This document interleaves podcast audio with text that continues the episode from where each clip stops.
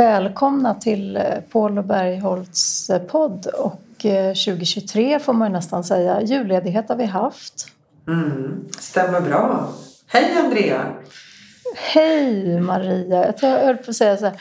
Maria Bergholtz, nu sitter du på en toalett på Kanarieöarna. Ja, nu sitter jag på en, eh, i ett badrum på Gran Canaria. Precis, det stämmer. Det kanske är därför det är lite eko, men man, eh, vi får ju anpassa oss. Vi skulle ha spelat in förra veckan. Eh, men då var jag i Åre och hade glömt mikrofonen hemma i Ja. Stockholm.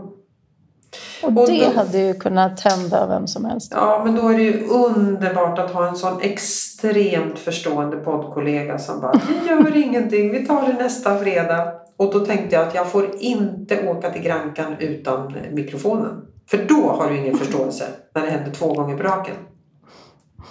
Fast det värsta är att jag skulle ha haft det. Ja, du är underbar. Alltså, och idag så är det ju Andrea Paul som håller i ämnet. Mm, precis, vi har ju faktiskt börjat dela upp det. Att vi har eh, varsin vecka. Vi tycker att det funkar väldigt bra. Mm, verkligen. Att man tar lite ägande av avsnittet. Så det är bra. Ja, men precis. Och, eh, och då, jag tänkte att vi kommer att röra oss inom flera områden men utgång, utgångspunkten är... Jag var på en föreläsning igår eh, som var Josefin Frankner som, var, som hängav typ 25 år av sitt liv i Knutby. Oj, ja, ja. Ja, det är ju... Alltså, jag vet inte om du har sett den Jo, jag har sett serien. den dokumentären. Ja. Jag gjorde det i höstas. Ja, mm. Och, och menar du serien som gick på SVT? Mm, exakt. Det Ja. var väl sex, åtta avsnitt. Ja, det var en serie. Precis. Mm, Jag tyckte den var jättebra faktiskt. mm. Bra gjord. Bra gjord. Men Bra gjord och det man slogs av när man såg det, det var ju så här, det här kan ju inte ha hänt. Så sjukt var det, tycker jag. nej men, nej men jag vet. Så sjukt. eh, men liksom hur kan man bli så in, indoktrinerad, tappa sig själv, alltså acceptera...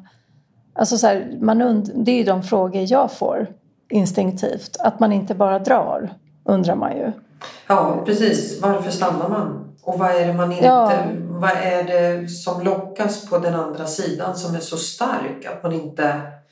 Nej, det... det jag fattar inte. Nej, men man gör inte det. Och det var, men det var faktiskt det var intressant att lyssna på henne igår och få ett perspektiv utifrån en eh, riktig människa Mm. som är högfungerande, uppväxt i en väldigt trygg miljö. Var som 14-åring en stark 14-åring som hade så framtidsplaner, ville bli advokat, åkte snowboard och älskade liksom älskade mycket i livet, så här, sjunga och var så här, ja, men så här driven, Mm. glad tjej. Var... Så. Ja, ja. Ja, och eh, som då på något sätt möter den här Åsa och eh, blir jättepåverkad av henne och knyter an jättesnabbt till henne.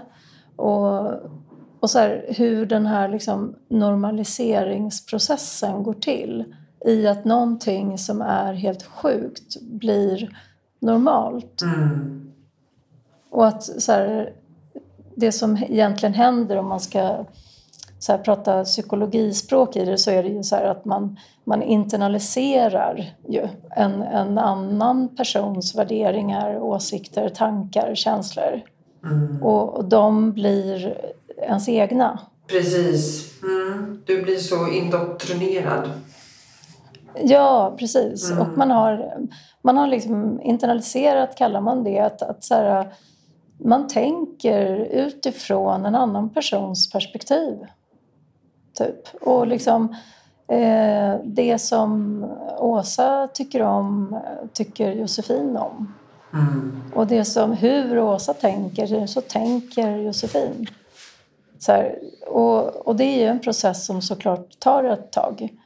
Men det är ju väldigt intressant också så här, hur det kan vara möjligt. Alltså så här, hur det går till, Mm. om man säger så.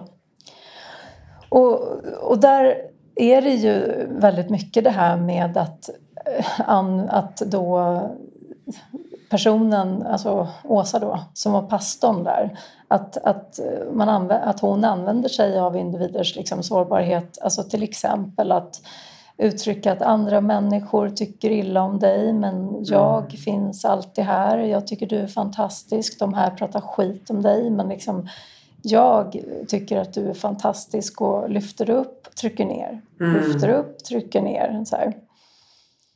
Eh, och att, att det är så på något sätt som att det svåra i det här blir att, att det är inte bara negativt det man får. Alltså utan du får också en väldig värme och du får en trygghet, du får en tillhörighet och så här. Alltså att du blir väldigt bekräftad. Mm. Eh, och, att det är det som stimulerar till att fortsätta hoppas att, det, att liksom, jag kan få mer av det här. Men, här, men att det kommer de här, det här ned, att trycka ner, att kritisera. Att eh, eh, få en att känna sig jäkligt dålig. Mm. Och, och hon pratade mycket om eh, just för henne så var ju ödet och det som blev så hemskt sådär, det var ju just att hon hade ju två egna barn Mm. och att när hon, hennes barn växte upp i det här så blev ju de också Påverkade, liksom, ja precis, exakt och nedtryckta. Mm. Alltså, men att hennes största, och där, gud vad jag blev rörd. Alltså jag, ja, men alltså när hon sa det här att så här, hur, nu när man har brutit sig loss då, som hon gjorde 2016 så här, och hennes barn är ju vuxna idag och så där. Men att så här, hon bara, hur, hur får man ett förlåt från sina barn i det här liksom? Alltså jag, jag var ändå ansvarig. Det var ju jag som är, jag är den vuxna, jag är ansvarig liksom. Mm. Och de har farit fruktansvärt illa. Alltså, och där kan man ju inte annat än att känna en extrem empati. Alltså. Mm. Verkligen. Fan vad tungt. Liksom. Mm. Men Men då det, kommer det, man tror jag det, det är det som är liksom det värsta, det här med barnen. Ja. Hur får man den här förlåtelsen från sina barn? Och hur kan man leva med en icke-förlåtelse? Ja, precis. Och nu har ju hon verkligen en jättefin relation idag och hon har ju fått det.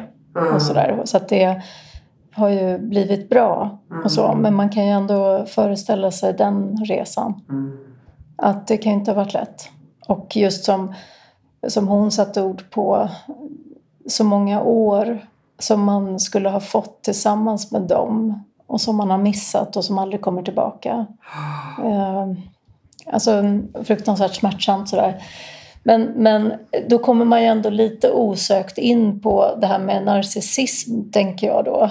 I det här att så här, eh, för det oavsett om det är utpräglade egenskaper hos en individ eller om man är en fullblodad narcissist, alltså personlighetsstörd, Mm. så, så eh, krävs det ju nästan eh, den typen av personlighet för att kunna utföra och kunna göra på det här sättet. Alltså att man är rätt empatilös. Och utgår från sig själv, hela tiden sig själv i utgångsläge. Ja, det är så intressant att du vill prata om det här ämnet för att det, det var, jag köpte precis den här boken Omgiven av narcissister och det här är ju då en uppföljning på av Thomas Eriksson som har skrivit Omgiven av idioter och de här färgerna och så vidare. Och så vidare. Ehm, så att jag har precis börjat och är på kapitel två eller tre. Ehm, och då säger man ju just det här som du säger, det här är ju ingen sjukdom, det här är ju en personlighetsstörning. Mm. Det är väldigt intressant. Och eh, vad är det du tycker är intressant med det och som gjorde att du har köpt boken då? Nej, För att vi, vi har flera runt omkring oss. Vi kommer, har vi inte haft med sådana här att göra eh, så kommer vi få det. För de, de, det är så pass vanligt idag. Så att de finns lite överallt. Därför köpte jag den. Jag jobbar med människor och eh, behöver eh, lära mig och vill lära mig olika typer av människor. Jag tycker det är jätteintressant. Ja, men... Det är därför jag också tycker de här färgerna är intressanta utan att liksom utgå hela tiden från färger röd, gul, blå och grön. Men jag tycker att det är intressant med olika människotyper. Men det som är svårt med det här med narcissism är ju att de är ju fenomenala på att det är därför de är narcissister. De, de, eh, kan ju lirka och det är svårt att komma åt och det är svårt att se. Eh, det är det som är deras styrka. Ja, absolut. Och därför så kan det väl vara vettigt att man tar fasta på några saker som man själv kan vara uppmärksam på. Mm. Eh, och då tänker jag mycket på det här med hos sig själv. Därför att det är svårt, alltså hur man själv känner eller reagerar. Till exempel om vi säger att du eh, har en diskussion med någon som har utpräglade narcissistiska drag. Sådär. Eh, så är ju ofta en egen upplevelse när du har en sån diskussion med någon. Mm. Den egna upplevelsen blir ju ofta då att man inte når fram. Alltså att eh, det kan vara att du har kritik eller att du ifrågasätter någonting. Mm. Och att individen reagerar instinktivt med att allting alltid har med omgivningen att göra. Mm. Och man är liksom felfri själv men att, det, att man inte når fram med, med det man säger. Nej, att ord förvrängs till en annan eh, betydelse. Mm. Eh, så att man blir ganska förvirrad själv. Alltså att du upplever själv att men gud, var det verkligen det sa? Och var landade den här diskussionen någonstans? Och liksom, hur kunde det bli så här? Alltså så här, att man känner liksom så här, man blir själv förvirrad. Mm. Det är lite tecken på att, att, eh, att det är något som inte stämmer. Eller så här, att att du, man kanske ska lita på sin egen upplevelse där. Mm. Eh, att, att du inte har varit otydlig. Utan att det snarare är mottagaren som... som mm. Men det är väl det här som är så svårt att komma åt dem för att de är så övertygade i sitt sätt att se. Så att det är svårt att komma åt. Ja, och jag tror inte ens att man ska ge sig in i det faktiskt. Nej. Alltså om du väl jobbar tillsammans med Men säg att du person. lever med en sån person. Ja, men då, har man ju, då får man ju jättestora problem. Mm. Mm. Det vanliga är ju att det är omgivningen som får de största problemen och söker hjälp till exempel. Mm. Alltså det är ju omgivningen som gör det är ju inte den personen själv som söker hjälp. Som söker, nej. Nej, för det ligger ju på något sätt i problematiken i sig att, att man inte har de problemen. Alltså, men, men lever du med en, en sån typ av person då det, det, är ju svårt därför att, därför att som sagt det går ju inte riktigt att nå fram. Det är ju det som är problemet. Alltså så, här, så det blir svårt att förändra någonting. Och det blir ju därför hela tiden ens eget problem. Mm. För det landar tillbaka på en själv. Så är det ju. Ja, precis. Exakt. Eh, och vi behöver inte gå in i, i... Det du nämnde var ju mer sådär att, att man kan råka behöva samarbeta med eller så här, mm. man stöter på. Alltså mm. så. Det, och jag menar, här är det ju inte heller svartvitt. Det finns ju väldigt mycket fördelar också med personer som kanske har de här dragen. Mm. Vad är fördelarna då, tycker du? Nej, men, och jag vet inte om jag skulle kanske säga fördel, men om man skulle till exempel så om man tittar procentuellt sett så, här, mm. så är det ju fler män än kvinnor. Mm. Eh, och det är fler med chefspositioner. Mm. Män, alltså som... Och, och få, nu ska man komma ihåg det, att få är ju diagnostiserade. Eftersom de skulle ju inte initiera nej, en utredning nej, själva. Nej. nej. så, att, så att det handlar ju oftast mest om liksom, utpräglade drag. Mm. Alltså så här, eh, men fördelarna, ja men till exempel så kan det ju handla om att eh, få mycket gjort, att driva på saker med en ganska stor empatilöshet mot konsekvenser. Alltså en förmåga att sätta väldigt mycket känslor åt sidan mm. och bara få det gjort som behöver göras. Utan hänsyn på något sätt. Och jag menar, vilken aspekt ska man titta på? Är det liksom lönsamhet, organisation eller är det människors lidande? Det beror ju på. Därför är det svårt att säga vad det finns för fördelar.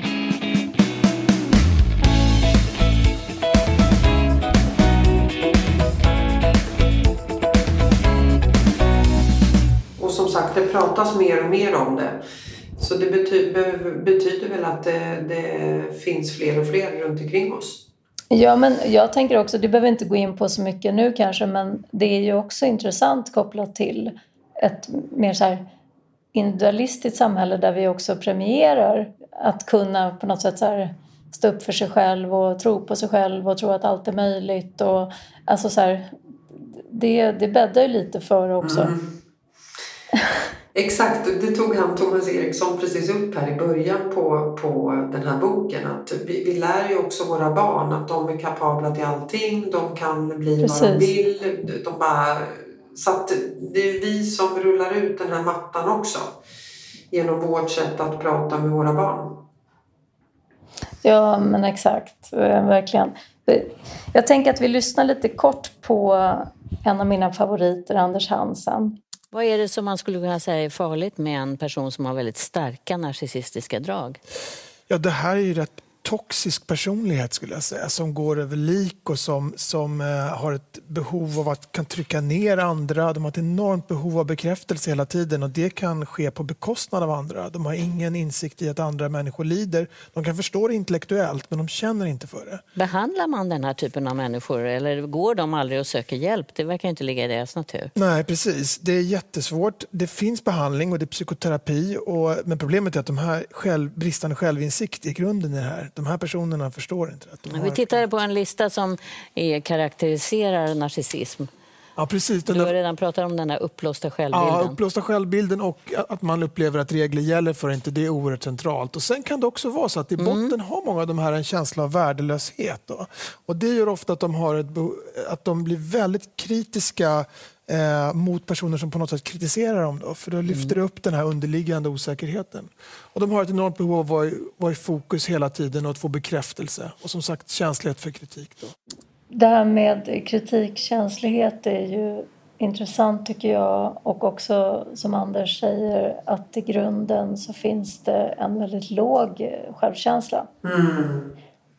Precis. Och, eh, och man kan mycket väl tänka sig att det är extremt mycket som kan trigga skam. Mm. Alltså att det egentligen är styrt av det och i hanterandet av det så blir det det där eh, liksom styrande, manipulativa, aggressiva som kommer, kommer ut. Men att det egentligen bottnar i en väldigt stor sårbarhet, alltså en osäkerhet. Osäkerhet, ja, precis. Ja, exakt. Mm. Nej, det där... Ehm, och, och det här med också regler gäller för alla andra men inte för mig själv. Det är undantag. Jag bestämmer. Jag... Eh, det, det tog han ju upp här, Anders Hansen. Och eh, om man tänker det här med Knutby. Mm. Som du sa sådär, hur, men hur kan det hända? Eh, det, det, ja, men om, om du tänker utifrån det här extremt manipulativa. Att eh, en förmåga att också trycka ner som gör att, att eh, en individs självkänsla blir mindre och mindre och man, man, upplever, man, man känner sig sämre och sämre och man börjar tro på att någonting är sant. Mm. Alltså, det är ju där utrymmet skapas för att kunna normalisera det och vara kvar i någonting som är djupt destruktivt. Så jag kan, jag kan liksom förstå att det, att det kan hända. Alltså, eh, speciellt om det är isolerat på det sättet mm. som det var i Knut. Ja. Där du inte får så mycket influenser från eh, annat. Möter du, liksom, du som jobbar med alltså, folk som kommer till dig och pratar om läget och så på arbetsplatser. Träffar du många som har narcissister i sitt eh, arbetslag? Liksom? Hur vanligt är det? Ja, men alltså, hyfs, hyfsat eh, vanligt. Men mm. jag skulle ju inte säga att det är narcissister. alltså personlighetsstörda personer. Eh, därför, utan mer att det är narcissistiska drag. Ja. Alltså, och det är en väldigt viktig skillnad. Mm. Därför att, därför att eh, jag menar, ta till exempel behovet av att visa upp sig på Instagram och att eh, framhäva sig själv. Eh, Så här, det är ju också narcissistiskt. Ja, alltså, Liksom, det, förstår vad jag det, är menar? viktigt, det är viktigt att sk- skilja på det där som du säger. Att det är det är narcissistiska extremt drag. Ja, viktigt. verkligen. Jag Ja, förstår det. för att det har vi, vi, vi har alla narcissistiska drag i oss. Mm. Alltså det tror jag är jätteviktigt och att inte liksom... Men- Men du frågar ju någonstans efter det överdrivna, eller när det går till... Mm. Alltså så här, om jag hör om det. Jo men liksom absolut. Alltså det här att eh, eh, höga chefer som på något sätt har en förmåga att sätta rätt mycket av... Eh, att kanske inte känna instinktivt med konsekvenser av beslut och hur det drabbar individer och sådär utan liksom eh, kunna köra på trots att människor mår dåligt. Alltså kunna, alltså så här, att inte ta in och så, det, det kan jag stöta på individer som uttryckligen säger så här att liksom, men det här är kommunicerat men det är så här, det är så här ändå. Alltså så här, och att man undrar ju så här, vad händer i den där personens huvud liksom? Alltså när man tar in att, att eh, de här konsekvenserna och man kan ändå köra på så här.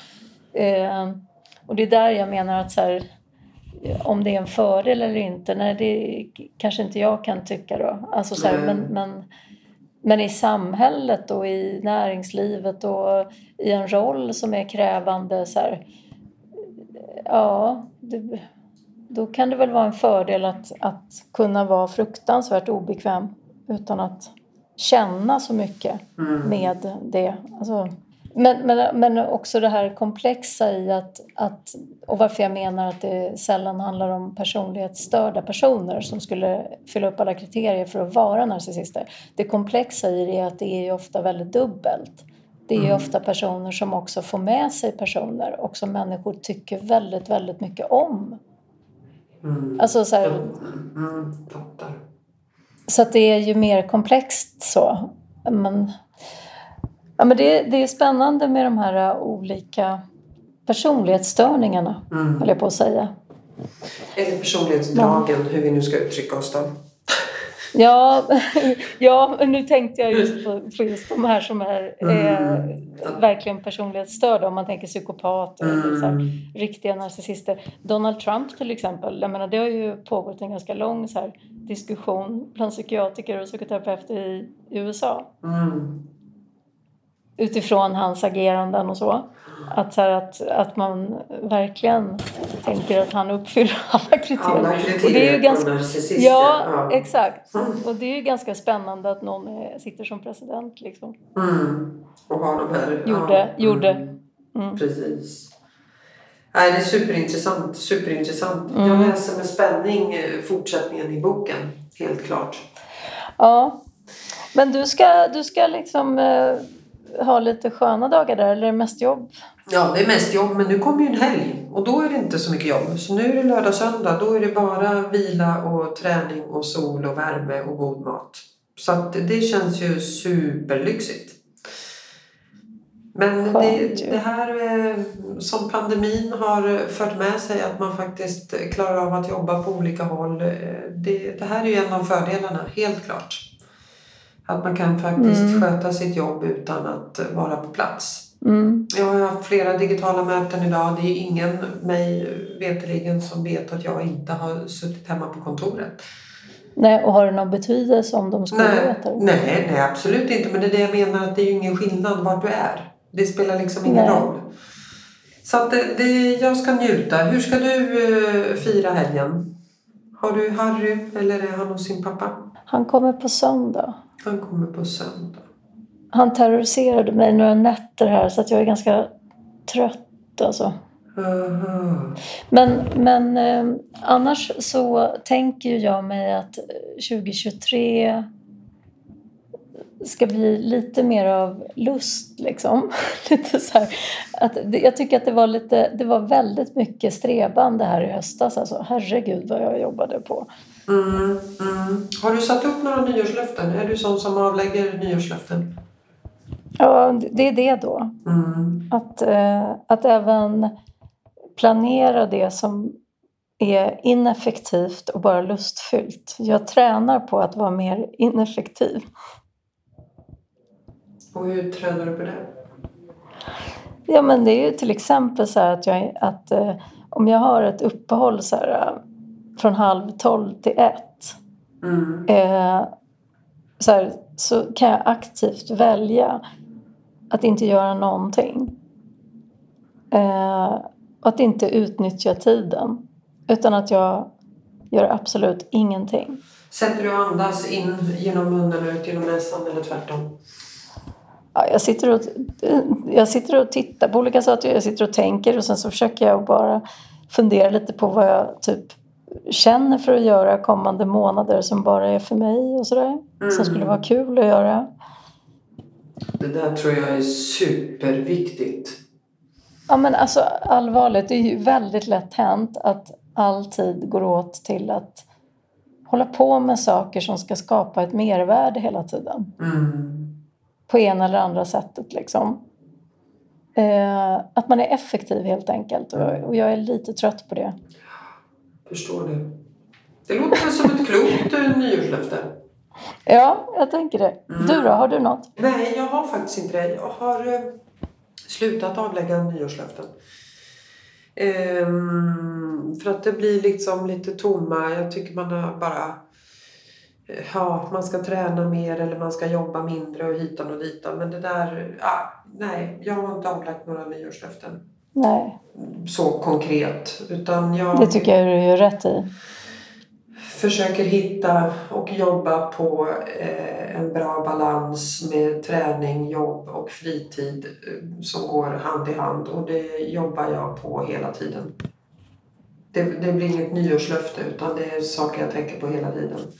Vad är det du skulle behöva mer av då? Ja, men det blir lite det här som du säger, att faktiskt också bli medveten om och fundera på vad är, vad är det jag mår bra av? När mår jag som allra bäst? Ja, men det är i de här situationerna när jag har en bra balans, när jag hinner träna, jag hinner vara ute och få frisk luft, jag hinner se ljuset eh, på dagarna och så vidare. och så vidare. Vilket är väldigt svårt i Sverige på, i december och januari för det är mörkt dygnet runt.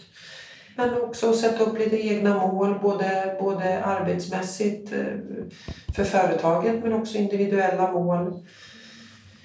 Så att eh, det jobbar jag på. Jag har ju faktiskt ett mål här 2023 och det är jag ska åka Tjejvasan. Och det var ambitiöst. Mm. Så att nu håller jag på att försöka få lite mil i benen och det har ju gått bra när man har varit i Åre och kunnat åka men i Stockholm har det inte gått lika bra. Och Kanarieöarna är ju ännu svårare då. Det får bli rull, rullskidor. Ja, Nej, men så att, eh, så att eh, i slutet på februari då är det tre mil som gäller. mm, det tycker jag låter bra. Mm. Så det är mitt mål. Men eh, ska vi säga så då? Det gör vi. Vi önskar alla en trevlig helg och när det här sänds så är det ju måndag så då får vi väl önska er en härlig arbetsvecka. Precis. Och fortsätt mejla in och hör av er med liksom ämnen som vi kan ta upp. Det uppskattar vi jättemycket. Ja. Ta hand om er där ute. Hej så länge! Hej då.